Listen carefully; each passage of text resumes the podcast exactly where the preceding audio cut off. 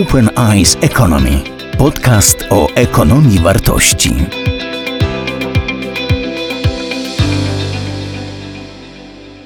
Dobry wieczór. E, To ja może zaproszę gości, bo żebyśmy już byli wszyscy razem, dobrze? E, Zapraszam Państwa, przedstawię za, za momencik. E, No, może już pani Katarzyna Januta, pan profesor Łukasz Afeltowicz, profesor Andrzej Bednarczyk pan profesor Paweł. Tak zastanawiałem się, czy, czy jest coś, co ja powinienem powiedzieć na początek tej sesji, ale stwierdziłem, że chyba nie ponieważ tytuł tej sesji chyba mówi sam za siebie. Pomysły na lepszy świat. Design, kreatywność i projektowanie w przyszłości. Sądząc po tym, że mamy tak wiele osób na widowni, to chyba ludzi interesują pomysły na lepszy świat, a jeszcze pewnie nas słucha i ogląda w internecie trochę więcej osób. E, To, co może chciałem powiedzieć, e, to grono niezwykłych gości, których mamy dzisiaj tutaj na sali. Postarałem się o to, żeby przed Państwem pojawiło się grono osób, które mają bardzo różne kompetencje, reprezentują różne, różne światy, po to, żeby mieć taki prawdziwy wielogłos na temat tego, jak ten lepszy świat mógłby wyglądać. Pozwólcie Państwo, że teraz kilka słów o każdej z osób opowiem. E, Katarzyna Janota, projektantka User Experience, ale także osoba, która interesuje się bardzo mocno designem spekulatywnym, projektowaniem dla planety, e, działa aktywnie w kolektywie, który nazywa się Grupa Robocza. Bardzo interesujący e, zespół osób, które myślą bardzo na serio o przyszłości, o designie, o filozofii obu tych, obu tych dyscyplin. E, Profesor Łukasz Afeltowicz, e, człowiek, który napisał wiele książek, e, które się czyta tak, do, naukowych książek, które się czyta tak dobrze jak kryminały. Em, Myślałem, że to komplement, Łukasz, widzę, że się krzywisz, to, to nie wiem. E, Człowiek, który jest autorem wielu ciekawych koncepcji, takich jak koncepcja maszyn społecznych, socjolog i filozof, e, badacz między innymi różnych e, zjawisk związanych z nauką i technologią. E, Pan, e, pan rektor ASP, e, Andrzej Bednarczyk, człowiek, który odpowiada za kształcenie artystów. Sam też jest artystą i jeszcze zarządza artystami, jak rozumiem, którzy uczą na uczelni, co wydaje się niesłychanie trudnym e, zadaniem. No i wreszcie pan dyrektor Paweł Poszytek, dyrektor Narodowej Agencji Programu Erasmus+, ale poza tym e, również profesor e, i człowiek, który ma drugi, drugiej tożsamości, ponieważ jest artystą, gra na gitarze, komponuje, gra w zespole takim no powiedzmy rockowym, tak, więc to zupełnie, zupełnie inna, inna twarz, inne oblicze. No więc mamy, jak sami Państwo widzicie, bardzo, bardzo ciekawe grono rozmówców. E, Ja mam taki plan na tą sesję, że chciałbym zadać każdej z osób, która jest tutaj na scenie pytanie, e, które jakoś tam nawiązuje do jego czy jej tematyki zainteresowań i, i, i na pewno usłyszymy dużo ciekawych rzeczy.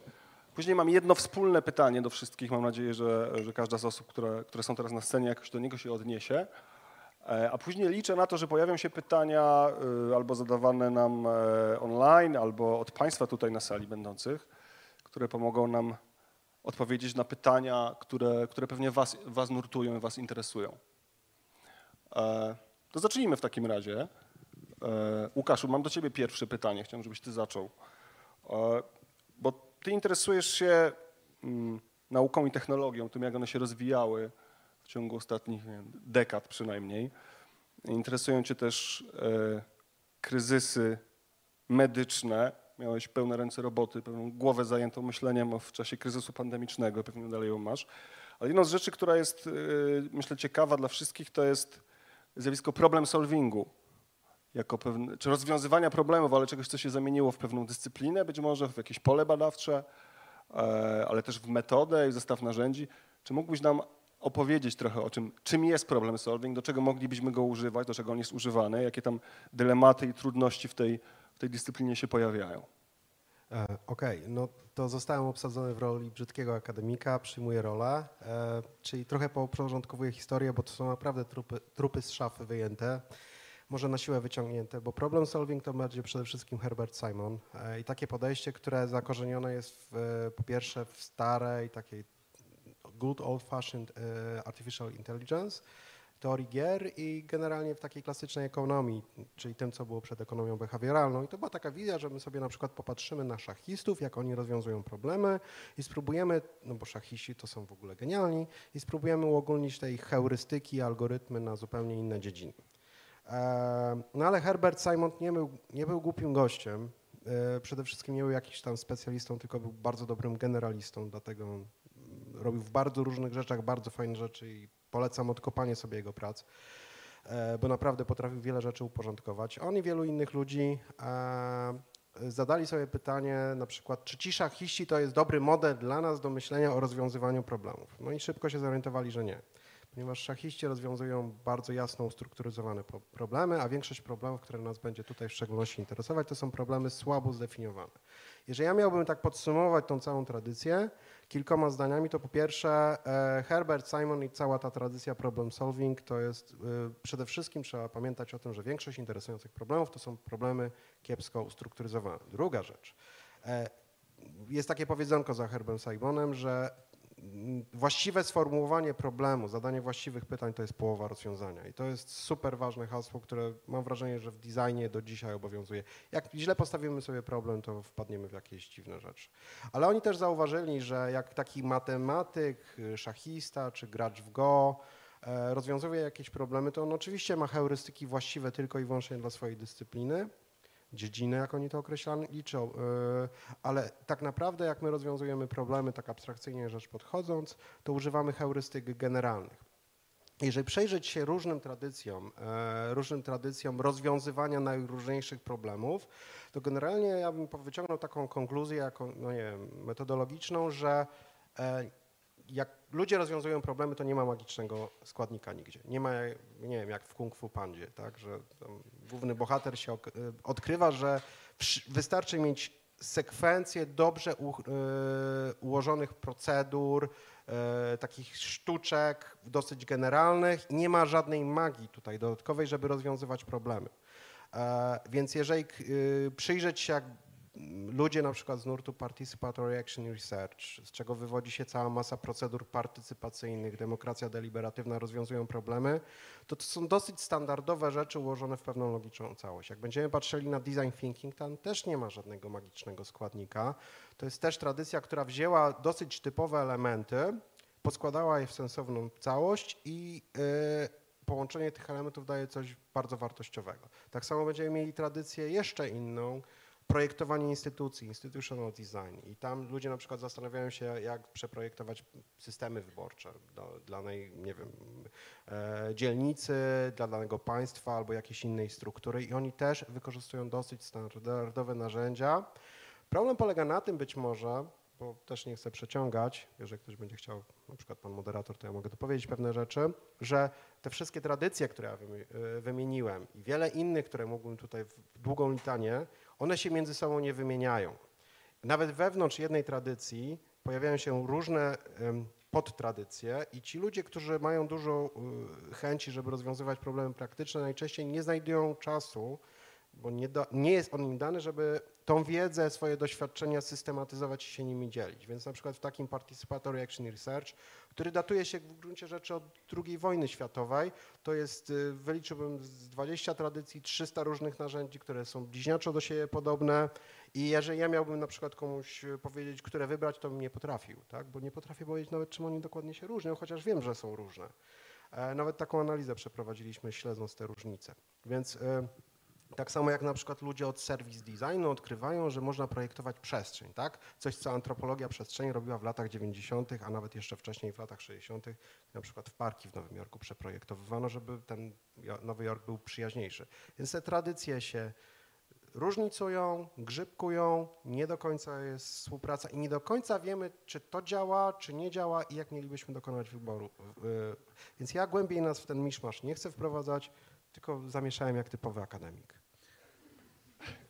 To ja, ja cię dopytam, czy mo- moderator by chciał wiedzieć jeszcze jedną rzecz, bo wspomniałeś o takim e, pojęciu jak Participatory Action Research. I teraz design thinking był odmieniany już w tej ścieżce tematycznej dzisiaj wiele razy, więc myślę, że nie ma sensu do tego wracać, ale to Participatory Action Research, zwane też parem, o którym wiesz sporo, czy mógłbyś nam, nam przybliżyć jakby, co, co, co to jest, jak wygląda praca tą, w tym podejściu i na przykład jak, jakiego typu problem rozwiązywano, korzystając z tej, z tej metody, jeśli można nazwać, że to jest metoda? No to jest pewna rodzina podejść, bym powiedział. E, No współcześnie no, przy projektowaniu przestrzeni miejskich, e, właściwie to nie wiem, do czego nie można byłoby paru za, zastosować. Wszędzie, gdzie są problemy wstępnie zdefiniowane przez ludzi, które, gdzie są jasno zdefiniowani interesariusze lub możemy ich zdefiniować, tam można wykorzystać pa- par. Gdzie on był wykorzystywany? W latach 70. bodajże był wykorzystywany w Volvo, w przemysłach w Norwegii. E, Bezpośrednio po II wojnie światowej był wykorzystywany do odbudowy gospodarek europejskich, w szczególności w Brytanii. E, To jest ge- generalnie związane z nurtem e, Human e, Relations. Zresztą ludzie z Tavistock Institute, gdzie to się rozwijało, no to oni są związani z tym parem. Jeżeli chodzi o tradycję taką południowoamerykańską, to to było głównie narzędzie do emancypacji. Tam powstały między innymi koncepcja budżetów partycypacyjnych, czy też obywatelskich. To nie mają nic wspólnego z tym, co my robimy w Polsce. Oni tam na przykład uczyli się mm, projektowali, jak ludzie w ramach dzielnicy mają się sami zarządzać, jak stworzyć strukturę y, zarządzaną przez obywateli, która będzie się uczyła rozwiązywać bardzo konkretne problemy, na przykład jak zapewnić gospodarstwa y, w prąd, wodę, żeby dzieci dojeżdżały do szkoły i tego typu rzeczy. I to jest cała masa różnych rozwiązań. Bardzo skomplikowana gdyby, mapa, gdyby to zrobić, no ale tak jak powiedziałem, w żadnej z tych podejść nie ma żadnej magii, to są bardzo konkretne, proste najczęściej heurystyki, gdzie my uczymy y, się, jak pom- pomagamy ludziom, jak wydobyć potencjał ich, tak? Aktywizujemy w jakiś sposób, zbieramy rozproszoną wiedzę, systematyzujemy ją, jednocześnie obniżając prawdopodobieństwa zaognienia konfliktów na przykład, tak? Bo to jest moderowany czy tam facylitowany proces, gdzie ludzie sami do pewnego momentu są w stanie rozwiązać problemy. Stąd ta partycypacja, gdzieś tam jest wsparcie badaczy, no ale przede wszystkim interwencja, czyli działanie. Okej, Łukaszu, to dziękuję Ci bardzo. Myślę, że taki pozytywny, optymistyczny przekaz chyba płynie z tego, co powiedziałeś. Zmapowałeś tutaj wiele rzeczy, wiele pojęć się pojawiło, ale tak wyciągam z tego taką informację, że są podejścia, są metody niezarezerwowane dla geniuszy, e, tylko takie, no powiedzmy, bardziej standardowe, które oferują na pewną nadzieję na definiowanie dobrych problemów i, i następnie ich rozwiązywanie. Dzięki za to. E, Kasiu, mam do Ciebie pytanie, bo jesteś projektantką. A projektowanie i design wielu z nas, wiele z nas kojarzy z tworzeniem rzeczy, projektowaniem rzeczy ładnych i użytecznych jednocześnie. Jakiś czas temu, powiedzmy naście lat temu, karierę zrobiło podejście związane z projektowaniem zorientowanym wokół potrzeb i możliwości użytkowników, użytkowniczych rozwiązań. Ale od jakiegoś czasu robi karierę też pojęcie projektowania dla planety na przykład, projektowania w imię zrównoważonego rozwoju, zapobiegania no, kat katastrofie, która zdaje się zbliża się wielkimi krokami do nas. Czy możesz nam tą dziedzinę przybliżyć? Okej, dziękuję bardzo. Dobra, mikrofon działa. Dobrze, to ja pewnie będę nawiązywać trochę do tego, co powiedział Łukasz, bo wydaje mi się, że no, jakby mam dużo podobnych przemyśleń, więc tak, ja się rekrutuję bardziej z projektowania interfejsów, natomiast od kilku lat staram się trochę poszerzać jakby to swoje spojrzenie, bo wydaje mi się, że to samo projektowanie interfejsów to jest pewien silos, tak, a projektowanie jest potężną dziedziną. I też w kontekście tego, co powiedział Łukasz, to wydaje mi się, że fajnie w ogóle spojrzeć na to, co nas teraz otacza w tej sali i pomyśleć sobie, co tutaj zostało zaprojektowane. Czy właśnie wyjść na miasto i się zastanowić, ok, gdzie jest to projektowanie. I wtedy zobaczymy, że ono właściwie jest wszechobecne. I otaczają nas rzeczy, które są lepiej lub gorzej zaprojektowane, natomiast większość z nich, jeżeli nie stworzyła ich natura, no to jakby jednak są owoce pewnej myśli. I teraz to pytanie, które trochę jakby mi się pojawia w głowie też po tym, co ty powiedziałeś, no to jest właśnie to, dlaczego skoro ono nas otacza, ono jest wszędzie, ono jest tak długo z nami, mamy tak wiele już w pewnym sensie tak przetestowanych, sprawdzonych narzędzi, to dlaczego nie jesteśmy w stanie projektować naprawdę skutecznie, efektywnie i myśleć w jakiś taki szerszy sposób? E, I to jest takie pytanie, które zadaje sobie duża część teraz środowiska projektowego. Wydaje mi się, że raport IPCC był taką cezurą właściwie, gdzie wszyscy zaczęli myśleć, ok, kurczę, coś się dzieje, musimy coś zrobić. Co możemy zrobić? Mamy projektowanie, ono jest narzędziem, ma różne narzędzia, tak? I wszyscy zaczęli się przyglądać temu, co może zrobić projektowanie, żeby w jakiś sposób pomóc planecie. I tutaj też ważne jest takie pojęcie zmiany paradygmatu, o którym też się mówi od dłuższego czasu, a które pojawiło się w takim raporcie brytyjskiej instytucji Design Council, która jakby zajmuje się projektowaniem takim dla państwa, dla przyszłości państwa między innymi.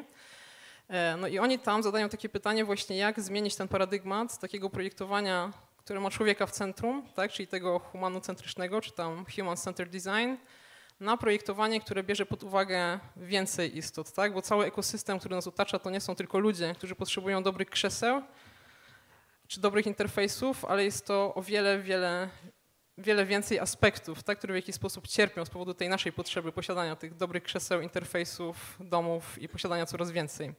E, I tutaj pojawiło się to pojęcie projektowania planetocentrycznego, planet-centered, planet-centric, różnie jest to nazywane. E, I co istotne, jakby to znowu jakby jest rzecz, która niedawno stała się takim trendem, ale tak naprawdę w takiej refleksji projektowej ona też istnieje od bardzo dawna, bo już w latach 70. E, taki projektant Wiktor Papanek podnosił te wszystkie kwestie jakby w swoich publikacjach i starał się je gdzieś tam do dyskursu publicznego przepchnąć w jakiś sposób, natomiast wtedy został po prostu zupełnie skancelowany. E, dzisiaj już nie mamy miejsca na kancelowanie takich kwestii, no bo wiemy, że one są super kluczowe i dlatego zaczynamy się zastanawiać właśnie nad tym, co możemy zrobić. I to projektowanie planetocentryczne, ono wykorzystuje te narzędzia, które wspomniałeś, czyli tam różne service design, e, design thinkingowe narzędzia, czyli jakieś takie rzeczy, które używamy na co dzień, ale właśnie stara się poszerzyć perspektywę i gdzieś w tej perspektywie uwzględnić jakby zwierzęta, rośliny, ekosystemy. E, I jest to rzecz jakby taka w ujęciu biznesowym, ona jest dosyć nowa, tak? Bo ja byłam w tym roku na takiej konferencji w Gdyni, gdzie jakby cała konferencja była poświęcona w jakiś sposób projektowaniu właśnie planetocentrycznemu, też możemy powiedzieć cyrkularnemu, czyli takiemu, które nie wytwarza śmieci. E, I tam była pewna grupa osób, na przykład z grona biznesu, które już były świadome tego wszystkiego, natomiast pytanie, które tam się pojawiało cały czas, to jest e, czy to projektowanie z tym uwzględnieniem większej ilości różnych tam istot, które gdzieś tam istnieją wokół nas, czy ono nam pozwoli zarabiać cały czas tak, jak zarabialiśmy. I to jest jakby w kontekście projektowym, procesu projektowego super ważne pytanie. Tak jakby też e, z jakimi konsekwencjami będzie się wiązało to przestawienie się na to myślenie planetocentryczne, E, I obok tego planetocentrycznego projektowania w tym raporcie Design Council pojawiło się coś jeszcze, co też się wydaje bardzo istotne w kontekście jakby takiej myśli, współczesnej myśli projektowej, czyli to myślenie systemowe, czyli właśnie w jaki sposób uwzględnić bardzo, bardzo wiele kontekstów. E, I jak sobie myślicie o tym, że to ma być coś planet-centered, no to sama, jakby sama idea jest strasznie przytłaczająca, tak? bo w jaki sposób ja w moim procesie projektowym mam uwzględnić gdzieś tam całą planetę, wielkie systemy, które gdzieś funkcjonują. E, I tutaj znowu dotknę jakby wypowiedzi Łukasza, no bo to jest jakby też kwestia przezwyciężenia pewnych silosów, w których funkcjonujemy, bo też mówiłeś o tym, że ta wiedza nie jest transferowana z dziedziny do dziedziny, że pewne narzędzia istnieją już od wielu lat, natomiast brakuje takiej korespondencji jakby pomiędzy różnymi dziedzinami żeby móc zapoczątkować jakieś takie myślenie systemowe. I wydaje mi się, że właśnie Design Council gdzieś tam w Wielkiej Brytanii próbuje to opisywać, próbuje tego dotykać w jakichś takich małych projektach, Natomiast jest to rzecz bardzo duża, więc też bardzo się cieszę, że rozmawiamy o tym tutaj, bo wydaje mi się, że to jest dobra okazja do poszerzenia właśnie trochę tej rozmowy i tego kontekstu. I nie tak, wiem, czy odpowiedziałam. Chyba, myślę, że tak. Znaczy, wydaje mi się, że rzeczywiście zależało mi bardzo, żeby na tej konferencji też padły te, te hasła i te sformułowania i ten sposób myślenia się pojawił. E, pewnie część z nas zadaje sobie takie pytanie, na ile to jest rodzaj jakiejś utopii, to o czym opowiadasz, a na ile to ma jakby biznesowe zastosowanie, czy na ile to jest rodzaj pewnej ekstrawagancji my myślenia, a na ile to rzeczywiście jakby jest przedmiotem troski organizacji biznesowych, które chciałyby no, projektować w taki sposób, który jest właśnie bardziej cyrkularny, tak, bo wspierający planetę, a nie tylko budujący biznes. No bo ostatecznie projektowanie zorientowane na użytkownika, ono no, jakby się sprzedało też dlatego, że pomagało produ tworzyć produkty, które się lepiej sprzedają. Tak? Więc pytanie, czy tutaj, e, czy ty widzisz zainteresowanie ze strony biznesu, ale takie, takie wiesz, szczere, szczere, nie CSR-owe tylko. Okej, okay, więc w Gdyni na tej konferencji, tam ona się odbywała w ramach Gdynia Design Days, widziałam takie bardzo intensywne zainteresowanie pewnych organizacji, jakby no był tam reprezentant Patagonii na przykład, która ostatnio przeszła taką transformację biznesową, ona była różnie komentowana, natomiast były tam organizacje tego rodzaju, więc jakby w pewnej niszy widzimy, że to się dzieje, Natomiast na szerszą skalę jest też pytanie, jak to komunikować. I ja trochę sobie rozmawiałam też z różnymi firmami, które się tam pojawiały, też takimi konsultingowymi, które gdzieś próbują e, sprzedawać to projektowanie cyrkularne, czyli jako swoją usługę. E, no i oni też mówili, że ok, może teraz jeszcze to jest dosyć niżowe i niezrozumiałe, ale w perspektywie najbliższych lat no to będzie super ważne, żeby w ogóle rozumieć to projektowanie, bo jego wdrożenie jest nieuniknione. Więc pytanie, czy jest to utopia, właśnie czy to jest pewien biznesowy horyzont, który jest przed nami. To jest takie, ja nie mam tej odpowiedzi, ale miałabym intuicję, że jednak to jest pewien horyzont i będziemy musieli o tym, musimy już teraz o tym myśleć właściwie. I wyłoni się z tego inny kapitalizm niż mamy. A może coś zupełnie innego. A może coś zupełnie innego. Dobra, bardzo dziękuję Kasiu znowu za zaznajomienie nas z takimi perspektywami, które porządkują teraz myślenie na świecie na, na te tematy. E, Panie rektorze, następne pytanie kieruję do Pana. O, Wspomniałem, że nie tylko jest Pan artystą, ale kształci Pan artystów e, i zastanawiam się, mm, jak uczyć i wspierać rozwój kompetencji takich kreatywnych u innych ludzi. Wydaje się to niesłychanie trudnym zadaniem. Kiedyś byliśmy przygotowani do tego, że tak często myśleliśmy, że trzeba specjalnych kompetencji, żeby, że- żeby jakiś szczególnie kreatywny, innowacyjny efekt uzyskać. E, Kieruje Pana SP, czyli uczelnią jakby mającą ogromną tradycję w tej dziedzinie, ale też mającą Wydział Form Przemysłowych, który jest takim bardzo specyficznym chyba wydziałem.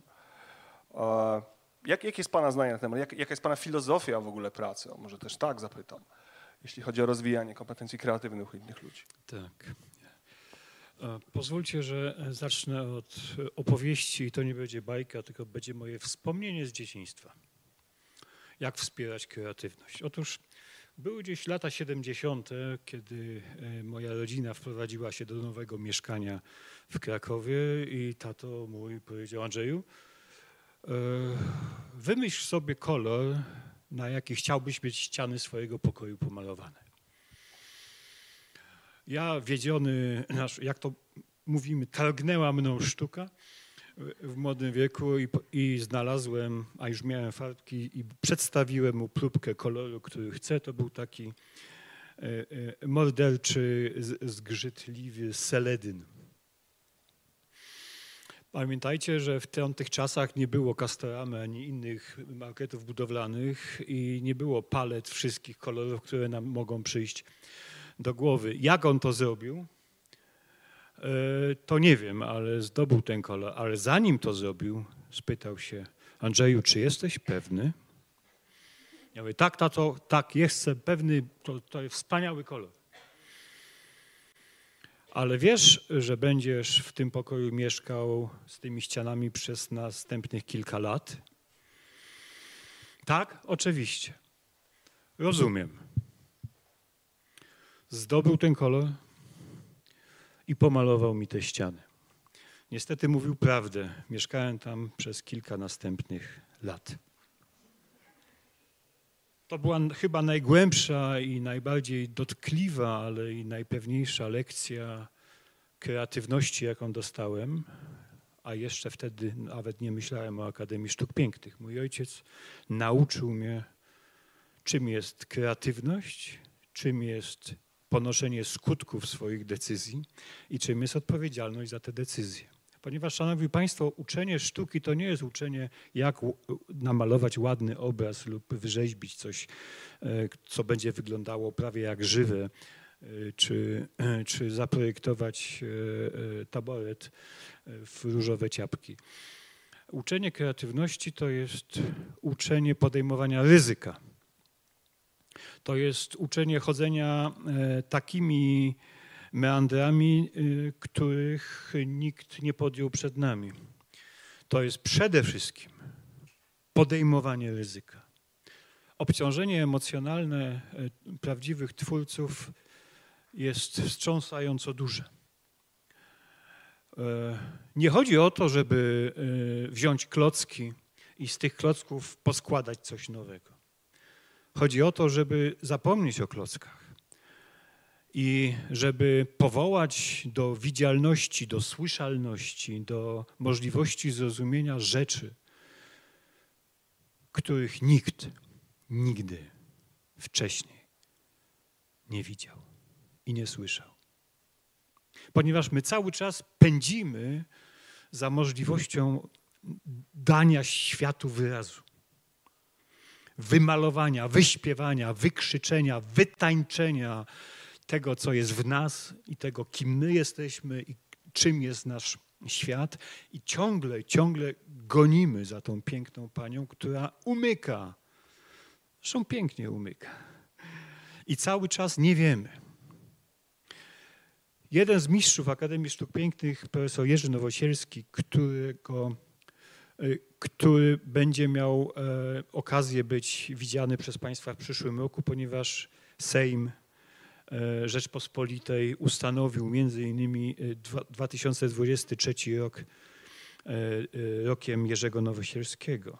W jednej z wypowiedzi, którą znalazłem w jakimś drobnym katalożku, było jego dzielenie się tym, że najwięcej w pracowni jest niepewności. Jest samotności i niewiedzy, czy to, co robię, ma sens, czy nie ma sensu. Jak ja mam uczyć ludzi? Oczywiście nauka kompozycji, nauka technologii, to jest wszystko jak w każdej dziedzinie rzecz oczywista. Naucza, nauka języ, języka, przecież y, sztuka jest też jednym e, e, z języków. To przede wszystkim tych młodych ludzi, którzy przychodzą do mnie i mówią: Naucz mnie czarować, i pytają się, kim ja jestem. Na miły Bóg, a to są ludzie w tym wieku, kiedy przestają być częścią rodziny. Oni się dopiero zaczynają być sobą. I kim ja jestem? I co? Ja mam stanąć przed tym studentem, przed tą studentką i powiedzieć: Ja ci powiem. Na miły Bóg, ja jestem na tyle duży, że mu zasłonię albo jej pół świata. Nie, ja mogę stanąć z tyłu. Ja mogę stanąć z tyłu i pytać się: No, pokaż mi, wyczaruj coś przede mną. Nie ma lepszej szkoły kreatywności niż sztuka. A teraz druga część.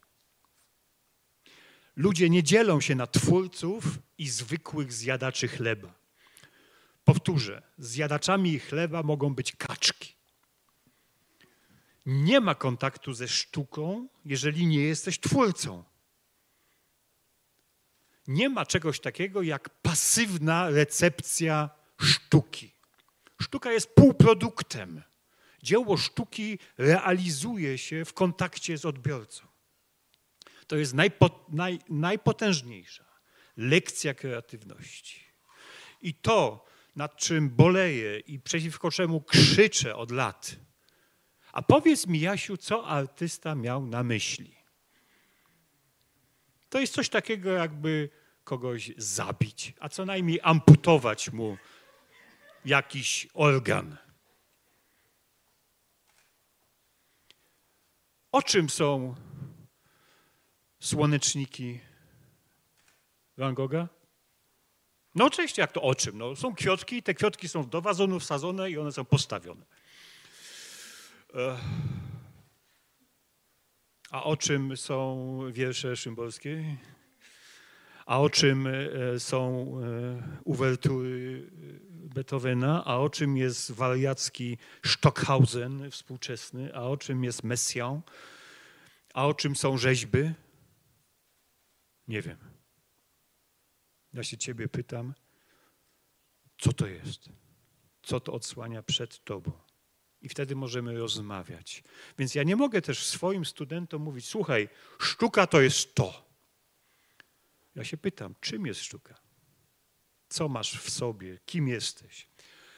I mam wśród, w gronie swoich absolwentów wiele osób, którzy są e, biznesmenami z sukcesem prowadzącym swoje biznesy. Wielomilionowe również. A me, mam też takie e, e, bidne myszy kościelne, które tworzą rzeczy, wobec których staję i jak oniemiały. I moje naprawdę profesorskie umiejętności analizy formalnej, treściowej, etc., pff, wypadają mi z ręki, nie mam nic do powiedzenia. I to jest potęga sztuki.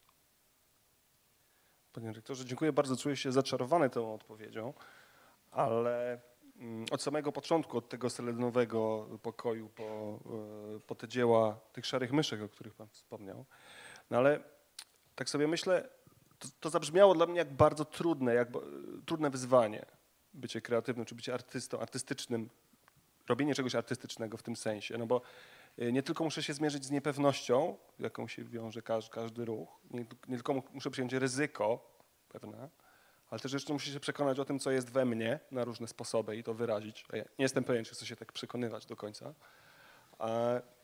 I, jak, jak ludziom można oswajać ten trudny proces? Wszystkie panie, przepraszam, mówię jako facet. To jest ryzyko. Nic nie wiadomo. Ale spotkać tą kobietę nie trzeba być szczególnie uzdolnionym. E, To jest rzecz oczywista. My tego potrzebujemy, bo my tym oddychamy. Z tym, że ja nie mogę być dyrektorem tej sytuacji, bo wtedy nie ma spotkania.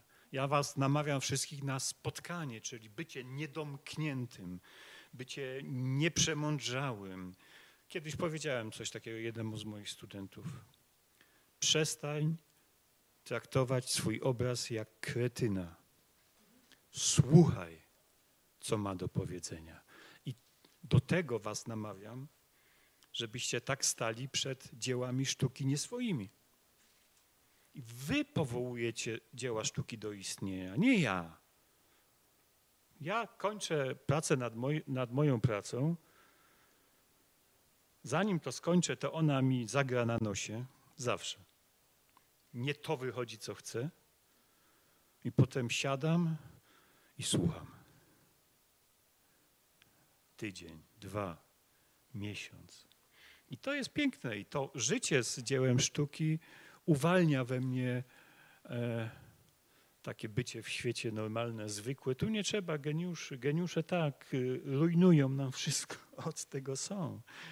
Ale my nie jesteśmy od tego. Ja nie jestem geniuszem. Ja w ogóle dzielę ludzi, art- artystów na geniuszy i, i, e, i mistrzów. Geniusz nie nadaje się do uczenia innych, a mistrz owszem. Bardzo dziękuję.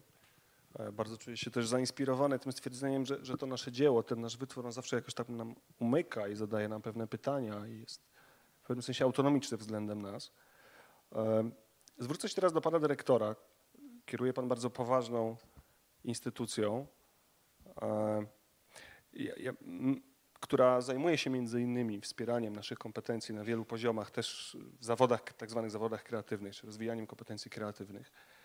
E, Ja, ja często o tym myślę, jak y, w sierpniu i we wrześniu, jak się, zwykle wtedy się ukazuje coś, co się nazywa Global Innovation Index. To jest taki ukazujący się od kilkunastu lat e, pomiar innowacyjności krajów, e, oparty na o- tam 80 paru pojedynczych wskaźnikach zintegrowanych w taki, w taki duży, duży wskaźnik. Polska jest tam zwykle na 39, 40, 38 miejscu, czyli nie jakoś bardzo wysoko. Nie jest to może absolutna tragedia, gdzieś między Bułgarią a Emiratami Arabskimi się, się mieścimy. E, Ja chciałem Pana zapytać o to, jak można wspierać i rozwijać kreatywność na poziomie branż, na poziomie całych społeczeństw, a w ogóle międzynarodowo. Jak, jak, jak to robić?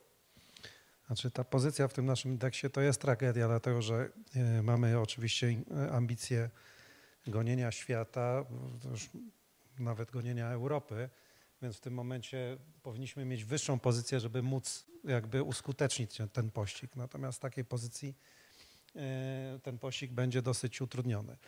Ale tak, program Erasmus, który kojarzy się wszystkim tylko z mobilnością studentów i z takimi wyjazdami można powiedzieć, w trakcie semestru, ale wręcz wakacyjnymi do ciepłych krajów typu Hiszpania i Włochy, gdzie najczęściej polscy studenci e, wyjeżdżają, e, jest błędnym obrazem tego, czym jest program Erasmus. Nie tylko w Europie, ale też i w Polsce. E, To jest jakaś część opowieści na temat tego programu. Natomiast program Erasmus jest, e, tak jak to konfiguruje Komisja Europejska, ale podam też jakby rzeczywiste przykłady, które to potwierdzają. No jest takim programem, który nie tylko się wpisuje w taką europejską agendę edukacyjną, ale w taką szerszą agendę właśnie społeczno-gospodarczą, czyli e, działanie też na rzecz, e, na rzecz e, sp- społeczeństw w ogóle i na rzecz gospodarki. Jeżeli mówimy o tym indeksie innowacji, w ogóle o innowacyjności, no to czym jest innowacyjność? Obojętnie czy na poziomie społeczeństwa, czy na poziomie gospodarki. E, No jest, e, na tyle jest innowacyjne społeczeństwo, czy innowacyjna gospodarka, na ile odpowiednie kompetencje są w głowach osób, które wchodzą na rynek pracy, czy są aktywne społecznie w różnych, w różnych działalnościach. Czyli to się sprowadza do, e, właśnie do kompetencji. I teraz, e, e, no to, bo to nie są jakieś abstrakcyjne zjawiska, które gdzieś tam się w firmie jednej czy drugiej toczą, że oto nagle ktoś tam postanawia coś innowacyjnego zrobić. To są kompetencje. I teraz e, program Erasmus Plus przede wszystkim wspiera rozwój kompetencji różnych grup społecznych, od przedszkola aż po, aż po osoby dorosłe. Nie ma to też znaczenia w jakim sektorze, bo również z programu Erasmus Plus mogą korzystać przedsiębiorcy. To nie tylko jest sektor edukacyjny. Wszyscy ci, którzy chcą w jakiś ciekawy sposób mm, zagwarantować, stworzyć warunki do podnoszenia kompetencji y, o swoich pracowników, studentów, osób, obojętne, pracowników organizacji młodzieżowych, cokolwiek sobie wymyślimy, E, mogą znaleźć właśnie e, dofinansowanie na swoje działania w programie Erasmus+. Bo Erasmus to nie tylko mobilność osób, ona też się wpisuje właśnie w rozwijanie kompetencji, szczególnie kompetencji miękkich i e, właśnie też wspomaganiu jakby rozwijania kreatywności, o czym jakby za momencik, bo to jest klucz tego pytania. Ale to są przede wszystkim projekty między instytucjami, między uczelniami, współpraca zagraniczna między uczelniami a biznesem, między y, y, instytucjami edukacyjnymi a e, instytucjami społecznymi, jak fundacja czy, czy stowarzyszenia, które chciałyby w jakiś ciekawy sposób stworzyć pewną przestrzeń do tego, żeby te kompetencje się lepiej rozwijały. I teraz kreatywność. No bo to ona ma tutaj potem zasilać jakby tą innowację. E, jak jadąc tak od góry, oczywiście mm, jak popatrzymy na, są różne modele kompetencyjne i różne definicje, e, mm, więc jeżeli popatrzymy na tą kreatywność, no to ona ma tam oczywiście elementy mocno takie związane z kompetencją poznawczą, czyli musimy mieć jakąś wiedzę, musimy umieć ją jakoś organizować w nowy sposób i tak dalej, tak dalej. E, ale też jest oczywiście też ten aspekt taki społeczny, no bo właśnie niektórzy tą kreatywność plasują w, w kompetencji poznawczej, niektóre, niektórzy w społecznej. E, to właśnie pan rektor mówił właśnie o tej, tej interakcji, więc tutaj mamy ten element trochę społeczny tej kreatywności. Więc to jest jakby, to są jakieś modele. E, w sztuce oczywiście gdzieś tam kreatywność nam się kojarzy z czymś takim bardzo, bardzo wysokim, z czymś takim, co umyka, unikatowym e, i to dobrze, bo, mm, e, bo niestety pojawiają się już takie próby, jak niektórzy na przykład, nie wiem, w pewnym momencie 10 lat temu słuchali e, na przykład, nie wiem, Taylor Swift albo Katy Perry, to trudno było rozpoznać, która z nich to śpiewa, bo to wszystko wychodziło z tego samego domu produkcyjnego ze Szwecji według jednego Szymela, według jednego wzoru. Wszystkie elementy były bardzo podobne, z wyjątkiem tylko takim, że tam się trochę melodia e, różniła. E, więc e, mimo, że sztuka, tam nie było mowy o żadnej kreatywności. Tak? Myślimy sobie w sztuce kreatywność to coś takiego bardzo wysokiego, wysublimowanego, coś, co umyka naszemu jakby poznaniu. I dobrze, bo gdybyśmy umieli to zdefiniować i policzyć, czy jakiś algorytm na to zrobić, no to byłoby to powszechnie stosowane. Tak? E, więc tu jest to piękno w sztuce. Natomiast Erasmus e, Plus, to co robimy i to co wspiera w takiej właśnie działalności edukacyjnej, społecznej, w rozwoju społeczeństwa odpowiednich grup, to jest taka kreatywność bardzo użytkowa, polegająca na tym, że e, spotykają się jakieś grupy osób, to jest grupa zazwyczaj międzynarodowa, które, które to osoby jakby zastanawiają się nad pewnym wspólnym problemem i jak go po prostu rozwiązać. Ponieważ jest to grupa zazwyczaj międzynarodowa, zazwyczaj interdyscyplinarna, to są osoby czasami pochodzące z różnych środowisk, reprezentujące e, różne podejścia, czasami różne branże, e, w takiej właśnie interakcji, w pewnej dyskusji e, tworzą pewną nową jakość, tworzą pewne nowe rozwiązania. I to jest ta kreatywność, powiedziałbym, taka bardzo użytkowa, ale nie, niezwykle cenna. To właśnie tego typu, tego typu działania popychają nam małymi kroczkami e, wiele spraw i jakby wytwarzane są e, no, propozycje rozwiązań różnych problemów. E, młodzież, którą pytamy, a nie tylko młodzież, bo, bo to są też osoby dorosłe, które wyjeżdżają na Erasmusa, na różne, na różne wyjazdy, bo to tak powiedziałem, nie tylko taka indywidualna mobilność, ale właśnie współpraca międzyinstytucjonalna, to są staże zawodowe, to są job shadowingi i tak dalej, tak dalej. no oni jakby często takie mają zdziwienie, że niby te osoby, które spotykają w innych krajach, pracują na podobnym software'ze, stosują podobną metodykę działania, bo to jest powiedzmy ta sama branża, ale jednak e, ze względów na przykład kulturowych albo innych e, podchodzą do tych problemów trochę inaczej.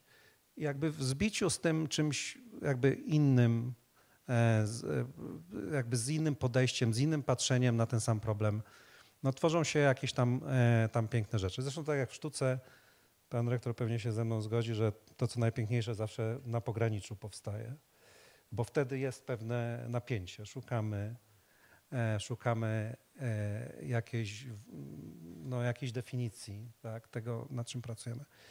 Także i to jest Erasmus. E, przede wszystkim tym jest Erasmus.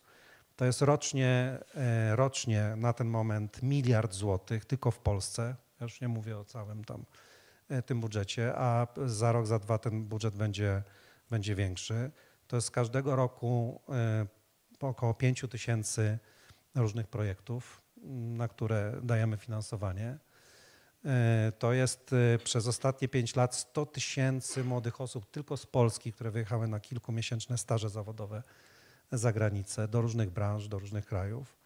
No to jest długa, długa opowieść, ale no właśnie, jeżeli mówimy o kreatywności, no to ona się właśnie tam gdzieś tworzy w takiej, znaczy szyb, jakby szybciej się, że tak powiem, generuje właśnie w takich małych grupach międzynarodowych, interdyscyplinarnych, które mają jakiś wspólny problem, gdzieś go definiują, chciałyby coś z tym zrobić. Tu się pojawia, to jest taka też egzemplifikacja tego, co Łukasz powiedział. Także Erasmus Plus daje, e, e, daje tą ludziom, e, którzy chcą popracować nad jakimś problemem, go definiują dają platformę, dają możliwość ustrukturyzowania tego ich działania, no oczywiście przede wszystkim wyposażenia ich w odpowiednie środki finansowe.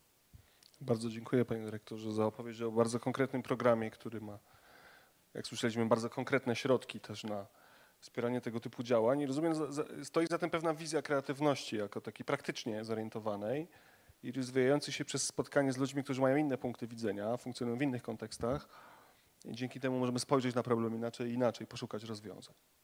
Znaczy, to tak, znaczy, kreatywność i innowacja w programie Erasmus Plus jest rozumiana na takim podstawowym poziomie. Tu nie chodzi o to, że nagle te grupy, znaczy produktami końcowymi tych projektów mają być rzeczy totalnie, znaczy innowacyjne w takim sensie naukowym, e, czy takim no, jakby czystej innowacji, także totalnie wytworzenie czegoś, czego do tej pory nie było, albo wprowadzenie jakiejś technologii, która w ogóle zmieni paradygmat i tak dalej, tak dalej, tylko e, w jakiś nowy, ciekawy sposób przedstawienie czy rozwiązanie problemów, e, problemów, które mamy. W ramach, podam może parę przykładów, e, w ramach naszych środków jedna z uczelni technicznych w Polsce realizuje projekt mm, czytania, czytania z twarzy dzieci autystycznych emocji. E, inny projekt, na przykład to jest, który, też finansowany w ramach programu Erasmus+, e, to jest tworzenie kampusów wirtualnych do, na przykład do szkolenia studentów z mechatroniki. E, czyli tworzenie czegoś, czego jeszcze jakby nie było, ale jakby opiera się to o pewne rozwiązania, które już jakby gdzieś tam funkcjonują E, tylko chodzi o to, żeby to e, poukładać w jakiś e, nowy, ciekawy sposób, który będzie służył danym społecznościom, czy społeczności akademickiej, czy społeczności lokalnej. Często też jest tak, że te projekty są na tyle ciekawe, że też łatwo je potem proliferować, pokazywać jako przykład dobrej praktyki, inspirować innych i one gdzieś tam potem zaczynają sobie żyć też i są naśladowane gdzieś tam w innych miejscach. Czyli taka bym powiedział kreatywność E, no, jak powiem na podstawowym poziomie, to, nie chcę zdezawuować tego, ale no, taka użytkowa. Bardzo dziękuję. E, miałem jeszcze jedno pytanie do wszystkich panelistów, ale tak się zastanawiam, może Państwo macie pytania, które chcielibyście zadać. To wydaje mi się ważniejsze niż, niż moje przygotowane wcześniej pytanie. Może któraś z wypowiedzi pobudziła Was do komentarza, podzielenia się własną myślą, problemem, przykładem nie mamy na razie czegoś takiego. To zachęcam do, do, do, do pomyślenia o takich rzeczach. Ja w takim razie zadam, e, zadam pytanie. E, temat naszej sesji to są pomysły na lepszy świat, to jest tytuł. Usłyszeliśmy opowieści z bardzo różnych kontekstów. Ja chciałbym zadać takie proste pytanie do wszystkich z wa- was, którzy jesteście tutaj na scenie w tym momencie. Skąd te pomysły na lepszy świat można brać? Pomysły dla lepszego świata po prostu, dla lepszego społeczeństwa, dla branży, dla organizacji, w której pracujemy, dla zespołu, a wreszcie dla nas samych siebie w naszych życiach zawodowych, osobistych i ogólnie skomplikowanych. Skąd te pomysły brać? Łukaszu, zacznij. A liczę na to, że będzie ring otwarty, że się tutaj trochę poprzepychamy, ale, Ale okej. tak, zachęcam też do komentarzy do poprzednich głosów, bo mm, to jest taka piłeczka, którą, że tak powiem, jest w powietrzu i można różnie, różnie nią zagrać. Znaczy, ja w ogóle nie myślę w kategoriach lepszego świata na, na ten moment, tylko myślę w kategoriach tego, czy będziemy mieli jakiś świat społeczny za 30 lat na przykład, tak? To jest mój problem. Bo ja sądzę, że dobrze to już było do momentu. Pewne wskaźniki takie społeczno-ekonomiczne na świecie naprawdę nieźle szły w górę. I mam wrażenie, że jeżeli nie rozwiążemy pewnych problemów takich strukturalno-egzystencjalno-środowiskowych, to nie będziemy myśleli o lepszym świecie, tylko będziemy myśleli w kategoriach świata, żeby on sobie dalej trwał w zbliżonej postaci do tego, który znamy. Więc nie mówię, że będziemy mieli jakąś rzeczywistość medmaxową czy coś takiego, ale nie, sądzę, że to jest na ten moment źle sformułowany problem po prostu. Więc ten. Ale żeby nie być takim człowiekiem, który sobie przeformułuje problemy, żeby tam sprowadzić tę dyskusję do swojego poziomu, e, są gotowe narzędzia, tak? No, chociażby w tym parze do szukania rozwiązań. Odnosząc się do przedmówców, no ja przede wszystkim mam trochę odmienne spojrzenie na pewne kwestie. Może nie tyle odmienne, co chciałem uzupełnić, bo dużo czasu poświęciliśmy tu na tą kwestię kreatywności, tak? I wiele badań pokazuje, że w Polsce mamy wielu kreatywnych ludzi, ale czym innym jest kreatywność na poziomie indywidualnym, a czym innym na poziomie społecznym. Bo to, że my mamy kreatywnych ludzi w zespole, to nie oznacza, że zespół poprzez wewnętrzną dynamikę lub poprzez zapędy menadżera po prostu tej kreatywności nie zmarnuje. I jesteśmy w wielu dziedzinach, jak prowadzone są badania społeczne, świadkami tego, że ten kapitał po prostu kreatywności jest marnowany przez brak kapitału kulturowego, organizacyjnego i po prostu społecznego. Tak? Więc można mieć świetny zespół ludzi, to znaczy każdy będzie ze sobą na świetny, ale ten zespół przegra, źle zarządzany, z ludźmi, którzy będą tylko dobrzy w jakiejś konkretnej dziedzinie, ale będą, no, ten potencjał zostanie z nich wyciągnięty. Wiele metodyk projektanckich skupia się właśnie na takim metodycznym rozbiciu procesów kreatywnych na bardzo różne rzeczy, także w pewnym sensie przedszkolnie podchodzą z pewnych e, e, etapów procesu kreatywnego, odkrywania problemu, definiowania problemu, eksplorowania możliwości, e, ten badaniu potrzeb ludzi i tak dalej, to możemy znajdować na przykład pomysły na lepszy świat, o które pytasz. No ale skąd? No, tu znowu nie ma żadnej magii, mamy wszystkie gotowe narzędzia, tylko musimy zacząć systematycznie ich poszukiwać, tylko być może się sprowadza to do tego, żeby mieć takie poczucie, że nie zostanie to w pewnym momencie zepsute i mieć pewne ramy instytucjonalne, gdzie, żeby wiedzieć, że ta kreatywność nie zostanie zmarnowana. To jest duży problem w ogóle w parze, zawiedzione oczekiwania ludzi. Przychodzimy, zmieniamy świat, a później no, nie ma postprodukcji. Dzięki Łukaszu. Dzięki, że podniosłeś te kwestie. Mnóstwo pytań i jeszcze mi się ciśnie na usta, ale mamy 10 minut, a zobowiązani jesteśmy skończyć punktualnie, więc dzięki. Przekazuję Kasiu do ciebie to pytanie o pomysły. Skąd, skąd je brać?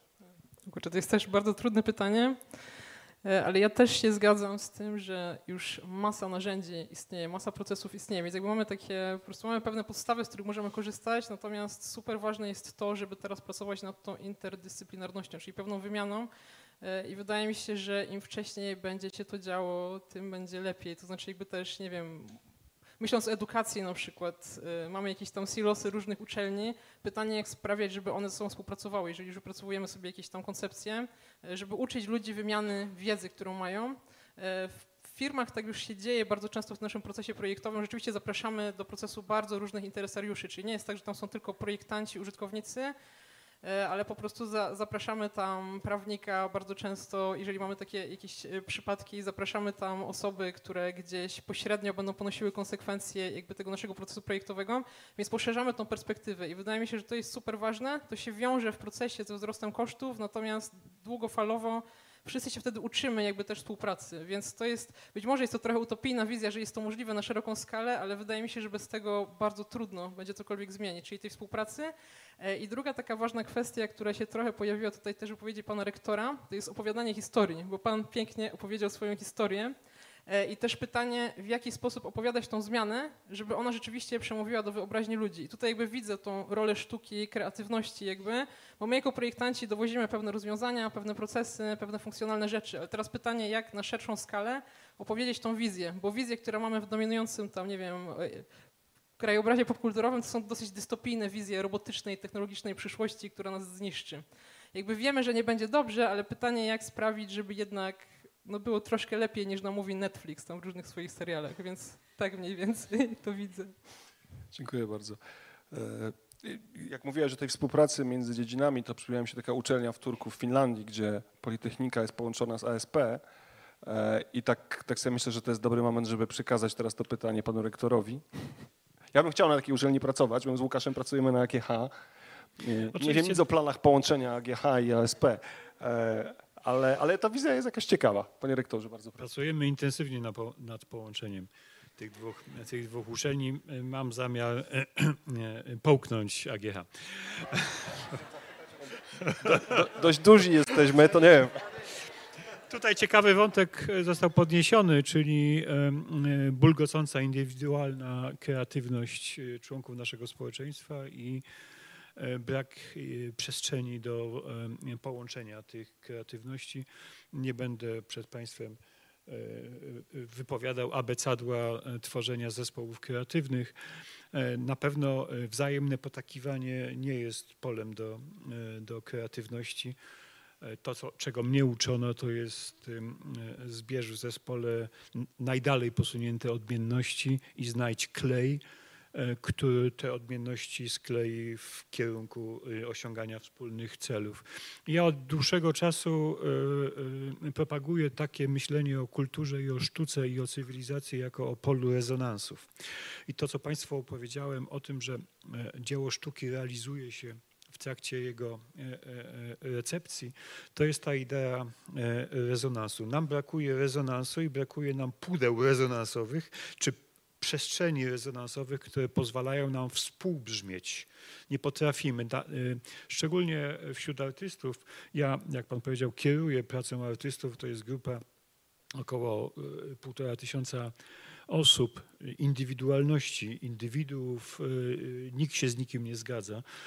E, To jest, to jest pewne w naszym e, środowisku. Kłócimy się, kochamy się, nienawidzimy i to jest rzecz oczywista. I udajemy, że jesteśmy w ogóle niezainteresowani e, samym sobą, to jest e, udawanie. I ja, ja nie znam technologii e, czy tych narzędzi e, budowania zespołów kreatywnych w biznesie, e, tego biznesowego e, e, działania, ale sztuka teraz e, coraz szerzej wchodzi w e, e, zespołowe e, działania e, artystyczne, w których nie, nie jest jeden twórca i wykonawca jego pomysłu, tylko e, musimy się boksować, żeby to stworzyć. Nie istnieje film, nie istnieje teatr e, i tak dalej, i tak dalej, bez zespołowej pracy, gdzie każdy musi przyjść ze swoją wizją, e, wizją świata, żeby coś powstało. Musi powstać ten klej, czy wyprodukowany ten, e, e, ten e, klej. Mi najbardziej brakuje tego rezonansu pomiędzy twórcami a odbiorcami sztuki w Polsce. No to jest moje podwórko, ja to, to znam. Ja boleję. Nie mówię, czyja to wina, bo wina jest po obydwu stronach albo po trzech stronach tej, tej przepaści.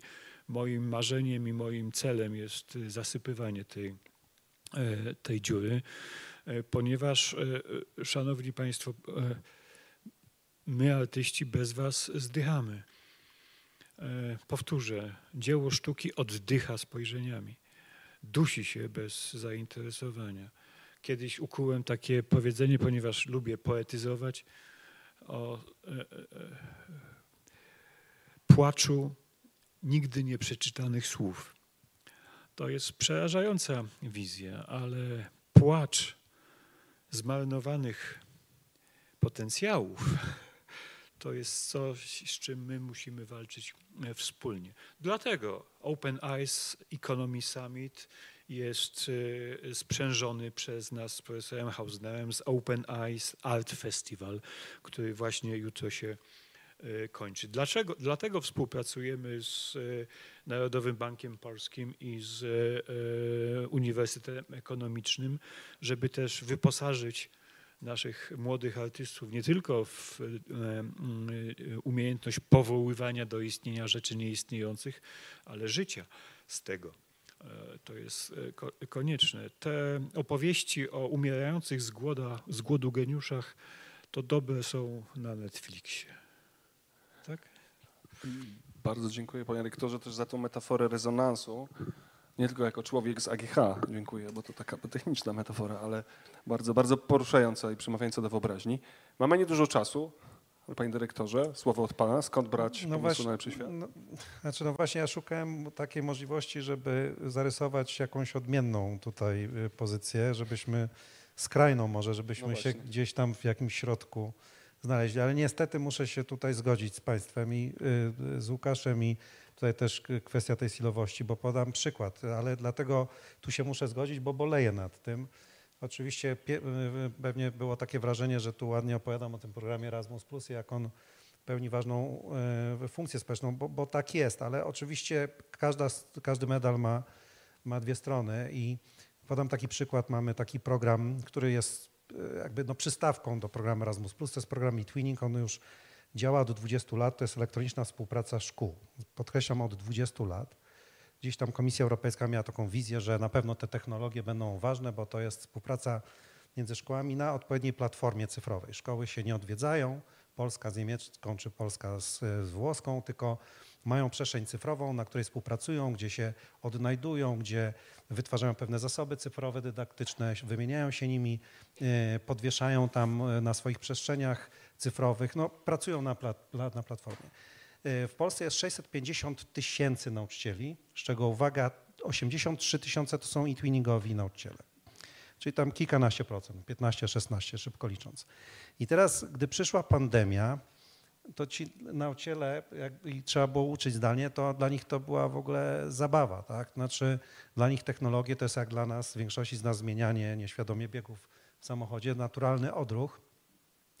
E, oni robią o wiele bardziej skomplikowane rzeczy na tych platformach cyfrowych, bo tak jak powiedziałem, no, wytwarzają materiały cyfrowe, wymieniają się nimi, moderują pracę i tak dalej, tak dalej, więc po prostu włączanie jakichś komunikatorów internetowych, to dla nich to był po prostu tak zwany pikuś i naturalne środowisko w funkcjonowaniu.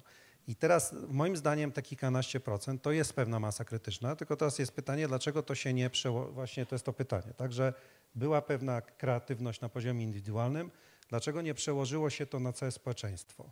No właśnie yy, yy, dlatego, że jeżeli mamy tych szkół, myśmy to jakby policzyli, tak, praktycznie co dziesiąta, co ósma szkoła w Polsce robiła projekty, Czyli można powiedzieć, że w każdym powiecie jest taka szkoła. E, I się okazuje, że nauczyciele z tej samej szkoły, którzy nie realizowali projektów e-twinningowych, w ogóle się nie chcieli uczyć od tych nauczycieli, e, którzy to robili, e, a z kolei szkoła obok, w gminie, w powiecie też nie chciała czerpać z tych doświadczeń. No bo właśnie nie było jakiegoś kleju i nie było też jakiejś moderacji z wyższego poziomu, kto chciałby po prostu ten zasób wykorzystać. Także pozostaje mi się niestety tylko tu zgodzić, mimo że bardzo chciałem się poróżnić. Ciekawe to, ten konsensus nam na, na koniec wychodzi. E, kończ, wyświetliło mi się tu na czerwono 0000 czasu, ale może jeszcze jedno, dosłownie jedno pytanie ktoś chciałby zadać danej osoby. Mamy taką osobę.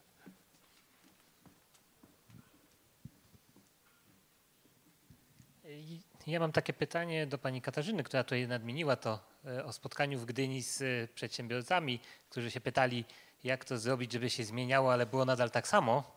E, I pytanie, czy jesteśmy wiarygodni w tym, co robimy i w tym, gdzie prowadzimy tych ludzi, bo tutaj mówimy o przestrzeni tej naukowej, mówimy o tym, co my im wkładamy do głów, jak ich rozwijamy, jak pomagamy, żeby się rozwijali sami też często, e, ale pytanie, oni te potem trafiają do tej rzeczywistości, gdzie spotykają się z tym światem, który mówi, e, tak, tak, idźmy do przodu, ale w ten sam sposób. Czy tutaj nie mamy problemu i czy tutaj nie leży kłopot w tej zmianie na lepsze? Okej, okay, tak, to jest świetne pytanie, ono jest też strasznie trudne, ale wydaje mi się, że można nawiązać do szczytu klimatycznego, który się właśnie skończył przed chwilą i już wiemy, że jakby ta idea redukcji emisji, ona właściwie upadła i musimy się przygotowywać teraz na przystosowanie do tego, co się będzie działo. Tak jakby więc wiemy już, że biznes, jakby wszystkie te struktury, które jakoś miały temu zapobiegać, tak naprawdę no, zrobiły niewiele, tak, skutecznych rzeczy, które by sprawiły, że coś by się zmieniło. Zmiany są zbyt wolne Więc widzimy, że to nie działa, natomiast e, te przykłady akurat z Gdyni, o których ja mówiłam, to są firmy, które już wdrażają te cyrkularne strategie, więc widzimy, że ten model biznesowy może działać, natomiast jest to pytanie o dewzrost, tak, w tym momencie, to, które Pan zadaje też, no bo nie jesteśmy w stanie ograniczać się i równocześnie zarabiać tyle samo. Jakkolwiek były tam różne śmiałe tezy, że jest to możliwe, natomiast no, mnie osobiście się wydaje, że to też może, może być bardzo trudne, więc no pytanie teraz, e, w jaki sposób przekonywać biznes. I jeszcze jest jedna rzecz, która wydaje mi się taka ciekawa, o której słyszałam ostatnio. E, To są też te długofalowe jakby, długofalowe korzyści, które możemy osiągnąć wdrażając pewne strategie cyrkularne. I tutaj będą też to korzyści biznesowe, bo jakby wiemy, że musimy to robić. I teraz pytanie, czy ok, teraz coś zaoszczędzimy, powiedzmy nie ograniczając się produkując, natomiast pytanie, czy w jakiejś tam dłuższej w dłuższym ok- okresie czasu jesteśmy w stanie zyskać na tym, że wdrożymy tą cyrkularność, więc istnieje jakaś taka koncepcja, że możemy tworzyć jakieś kalkulatory, które też będą pomagały nam wyliczać jakby te krótkofalowe korzyści, długofalowe korzyści z tych strategii. Natomiast jest to bardzo duże pytanie i też ta konferencja odbędzie się w przyszłym roku prawdopodobnie, więc ja też wszystkich serdecznie zapraszam, bo pewnie im więcej osób tam trafi, tym szerzej to będzie rezonowało też, mówiąc o rezonansie. Dzięki Kasiu za odpowiedź, dziękuję za pytanie. Musimy już kończyć. Bardzo Wam dziękuję, że tu byliście. Bardzo przyjemnie mi się rozmawiało z Wami. To była naprawdę bardzo, ba, bardzo przyjemna godzina. I dziękuję, że byliście i słuchaliście tego, co, co mieliśmy do powiedzenia.